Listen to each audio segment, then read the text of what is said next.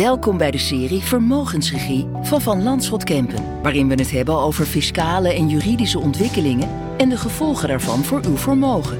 Bart Vroon van het Van Landschot Kenniscentrum praat u bij en vertelt hoe u slim met uw vermogen omgaat. In deze podcast nemen Bart en ik het coalitieakkoord van het kabinet Rutte 4 door. Omzien naar elkaar, vooruitkijken naar de toekomst is de titel. Wij kijken vooral naar wat de nieuwe regering in petto heeft voor de vermogende particulier, familiebedrijven en hun aandeelhouders. We bespreken de plannen en wijzigingen en de financiële en fiscale gevolgen voor u. Mijn naam is Maarten van der Pas. Bart, hartelijk welkom. Dankjewel Maarten, goeiedag. Goeiedag Bart. Nou laten we meteen aftrappen met de eigen woning. En als je nou het regeerakkoord doorleest, welke gevolgen zie je nu voor de eigen woningbezitter? Nou, het is vooral opvallend dat de coalitie de aanpak van de hypotheekrenteaftrek niet heeft aangedurfd. Eigen woningbezitters worden in feite ontzien. Zij hebben te maken met het eigen woningforfait. Nou, dat wordt niet gewijzigd. En ook eigen woningbezitters zonder of met een lage hypotheekschuld in box 1 hebben nog steeds te maken met het afschaffen van de wet Hille. Zij zullen dus gefaseerd meer belasting moeten betalen in box 1 op basis van het eigen woningforfait. Dan was er ook in diverse uh, verkiezingsprogramma's dat werd geopperd dat de eigen woning naar box 3 zou gaan. Nou, dat is niet het geval. En ook de winst bij verkoop van de eigen woning zal niet worden belast. Dus al met al is de vermogende particulier met een dure woning in box 1 en een lening in box 3 nog steeds best goed af. Maar hij krijgt natuurlijk wel te maken met de jaarlijkse verhoging van de gemeentelijke waardering, de WOS-waarde, en de daarmee samenhangende heffingen, zoals onroerende zaakbelasting. Ja, en WOS, daar bedoel je mee de WOZ-waarde van de woning? Juist. Ja, dus nou goed, dus voor die woningbezitter verandert niet zo gek veel, als ik jou goed begrijp. Laten we eens even kijken naar starters op de woningmarkt. Hè. Voor hun is het moeilijk om een eigen woning eh, te kunnen kopen. Welk perspectief biedt de nieuwe regering voor starters? Nou, voor starters gold al sinds begin dit jaar de startersvrijstelling. Dus kopers tot 35 jaar konden een woning kopen en daar gold het nultarief voor de overdrachtsbelasting. Maar zij konden verder ook uh, profiteren van de zogenaamde jubelton. En die zou worden afgeschaft. De staatssecretaris had al gezegd dat dat op z'n vroegst per 2023 zou gebeuren. En nu zegt het coalitieakkoord dat het per 2024 zal worden afgeschaft. Dus doet men nu een schenking in het kader van die jubelton, dan zou je dus de schenking uiterlijk 2023 moeten aanwenden voor aankoop van een woning of voor aflossing van de hypotheekschuld. En het staat dus te bezien of een schenking in 2023 dan ook al in 2023 moet zijn besteed om voor de vrijstelling in aanmerking te komen. Nou, tenslotte is er ook nog een verruiming van de leenmogelijkheden, want bij het verstrekken van een lening aan een starter mag worden uitgegaan van de actuele studieschuld en niet meer van de historische studieschuld. Oké, dat is duidelijk. Dus eigenlijk ja, met name de jubelton, dat is nog wel even belangrijk. Zou je daar gebruik van willen maken? Hè? Het bedrag van ruim een ton wat je kan schenken aan, aan, als ouders aan een kind wat een woning wil kopen. Dan moet je er eigenlijk snel mee zijn. Inderdaad, ja. Ja. Misschien tot slot ook nog even, Bart, naar mensen hè, met een eigen woning, maar die, die hun hypotheek al hebben afgelost. Verandert er voor ja. hun nog iets? Ja, nou ja, op basis van het coalitieakkoord zullen de leennormen voor met name oudere woningbezitters niet worden aangepast. En zij kunnen in feite hun woning opeten door alsnog een aflossingsvrije lening aan te gaan. En daarbij wordt met name gekeken naar de verhouding tussen de lening en de waarde van de woning. Ja, dan gaan we eigenlijk van kopers van woningen naar particuliere beleggers in woningen. Is het eh, kabinet hier nog wat voornemens?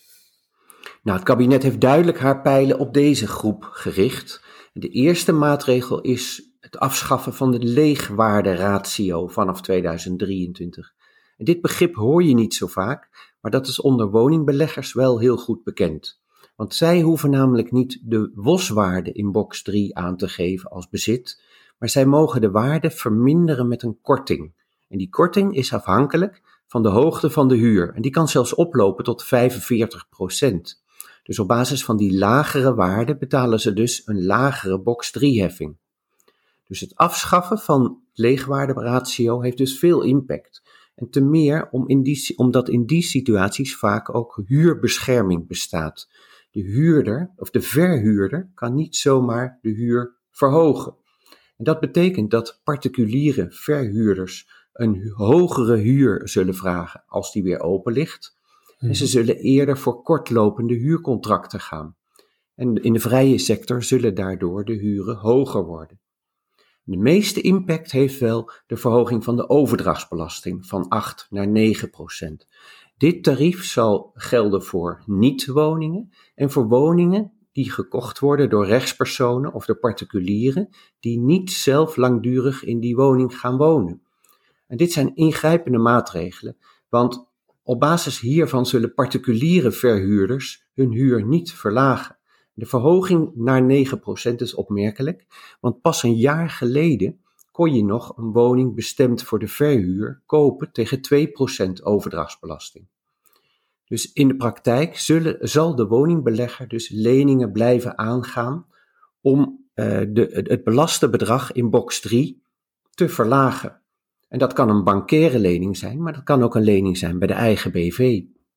Mm met, met name dus inderdaad die overdrachtsbelasting, die is fors gestegen in een jaar tijd. Zeker, ja. ja. Dan gaan we even overstappen naar uh, box 3, uh, Bart, hè, de veelbesproken vermogensrendementsheffing.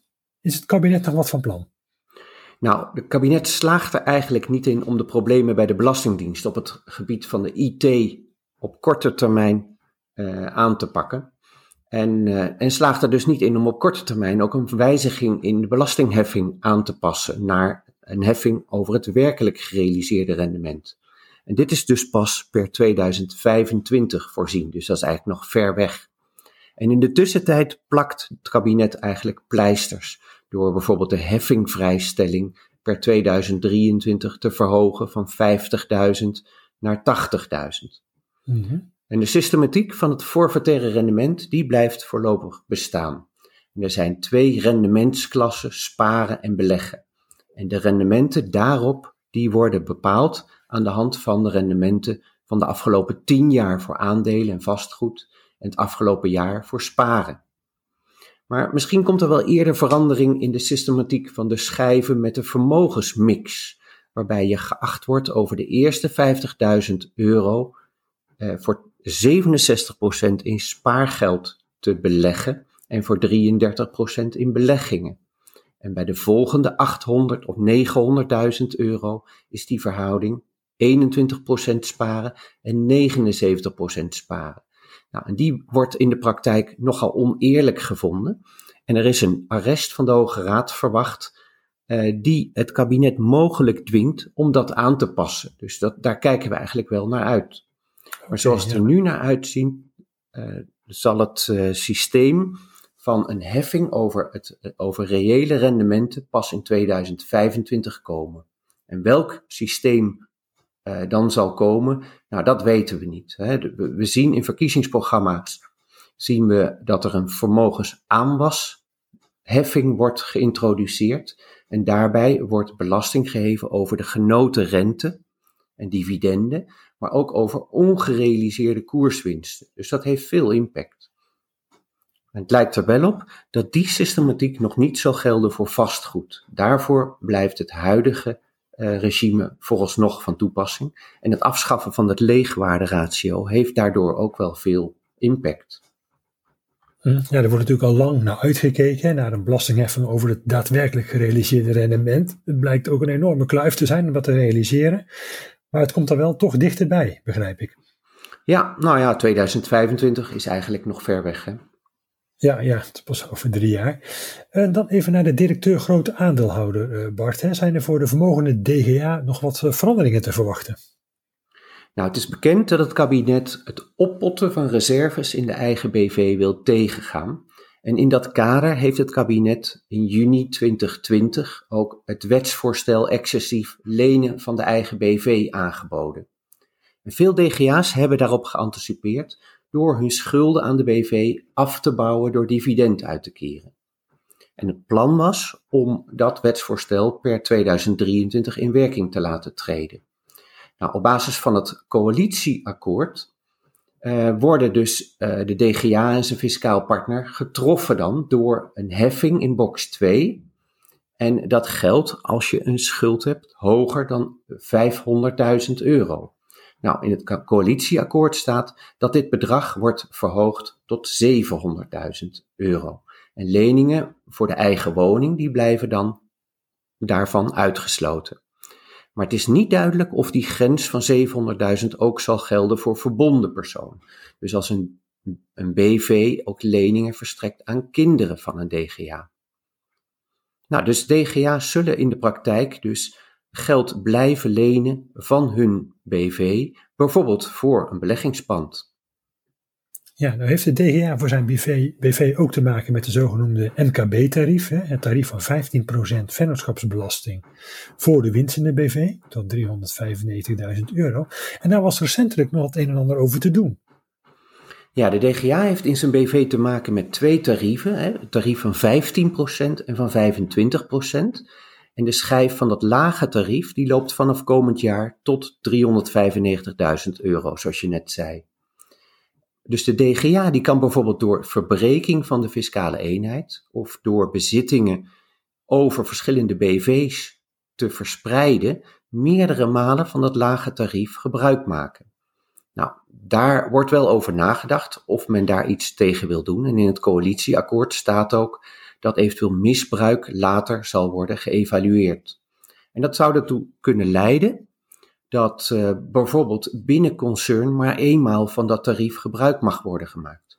Of dat de schijflengte weer wordt verkocht, maar dat verwacht ik niet. Ja, nu hoor ik ook wat over de BOR, de bedrijfsopvolgingsregeling, voorbij komen. Kun je nog even zeggen wat dat ook alweer is en welke veranderingen dan hier zijn te verwachten?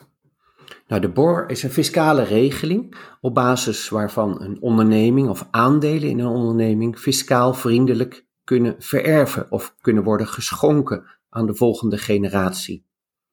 En het kabinet vindt dat belangrijk voor de continuïteit van de familiebedrijven. Dus die wil die faciliteit graag in stand houden. Mhm. Maar het kabinet wil ook onderzoeken hoe die regelingen kunnen worden verbeterd door ze eenvoudiger en ook eerlijker te maken, maar tegelijkertijd ook oneigenlijk gebruik tegengaan. Nou, de, deze wijzigingen hingen al wel langer in de lucht. Maar het is niet duidelijk welk oneigenlijk gebruik de coalitiepartijen nou willen tegengaan. Dat, dat, is, dat blijft eigenlijk nog een beetje in het midden. Het kabinet is niet zo concreet over de plannen. Uh, er is al wel een lopende evaluatie van de huidige faciliteiten uh, gaande. En die wordt in volgend jaar afgerond. En nou, dat, die evaluatie zal worden gebruikt om nieuwe voorstellen te formuleren. En ik kan me best wel voorstellen dat sommige DGA's nu al onderzoeken of ze niet versneld tot overdracht van de onderneming willen overgaan. Ja, dus even vooruitkijken, even afwachten tot die evaluatie dan volgend jaar eh, is afgerond. Ja. Tot slot Bart, hoe zou je nou het regeerakkoord voor klanten van Verlandschot ja, kunnen samenvatten? En heb je misschien ook nog tips voor hen? Nou, het is natuurlijk een uh, coalitieakkoord. Het moet nog in wetsvoorstellen worden vertaald. En daar kan nog enige tijd overheen gaan. de behandeling in het parlement moet ook nog plaatsvinden en kan ook weer tot aanpassing leiden. Zeker aangezien de coalitie geen meerderheid heeft in de Eerste Kamer. Maar goed, de heffing in box 3 over de top van het vermogen blijft hoog. Dit jaar 1,71% per jaar eigenlijk. De vermogende particulier zal blijven lenen in box 3 om de grondslag, hè, de waarde waarover box 3 heffing wordt geheven, te verlagen. Zowel voor de eigen woning als voor het beleggingspand. En de rente is laag en daardoor wordt maximaal van de hefboom geprofiteerd. Dus de vermogende particulier met veel spaargeld of laag renderende beleggingen, die is nog steeds beter af door het vermogen in de eigen BV onder te brengen. De vermogende DGA kan tot eind 2023 blijven lenen van de eigen vennootschap. En om de strafheffing te voorkomen, moet die box 3 schuld dus per eind 2023 zijn afgebouwd tot 700.000 euro. Nou, in alle gevallen is het belangrijk om contact te houden met je fiscalist. Daar wilde ik het eigenlijk bij laten. Nou, ja, nou, dankjewel Bart voor jouw toelichting op het regeerakkoord. En zoals je eigenlijk al zegt, het is een coalitieakkoord waarbij de voornemens nog in wetsvoorstellen moeten worden omgezet. En ja, klanten kunnen dus eigenlijk niet zo heel veel doen, begrijp ik. En het is voorlopig vooral afwachten. Waarbij je wel duidelijk hebt gezegd hè, dat die particuliere woningbeleggers, ja, daar eh, richt het kabinet echt uh, zijn pijlen op. Nou, wij blijven ondertussen de financiële gevolgen van de regeringsplannen voor u scherp in de gaten houden en informeren hierover via blogs en podcasts. Wilt u nu nog eens nalezen wat het regeerakkoord inhoudt? Lees dan ook ons blog en u vindt dat op www.vanlandschot.nl en kijkt u dan bij kennis en inspiratie. Hartelijk dank voor het luisteren en graag tot de volgende keer. Bedankt voor het luisteren naar Vermogensregie, een serie binnen de podcast van Van Landschot Kempen. Wilt u meer regie over uw vermogen? Bezoek dan onze website www.vanlandschot.nl en abonneer u op dit kanaal.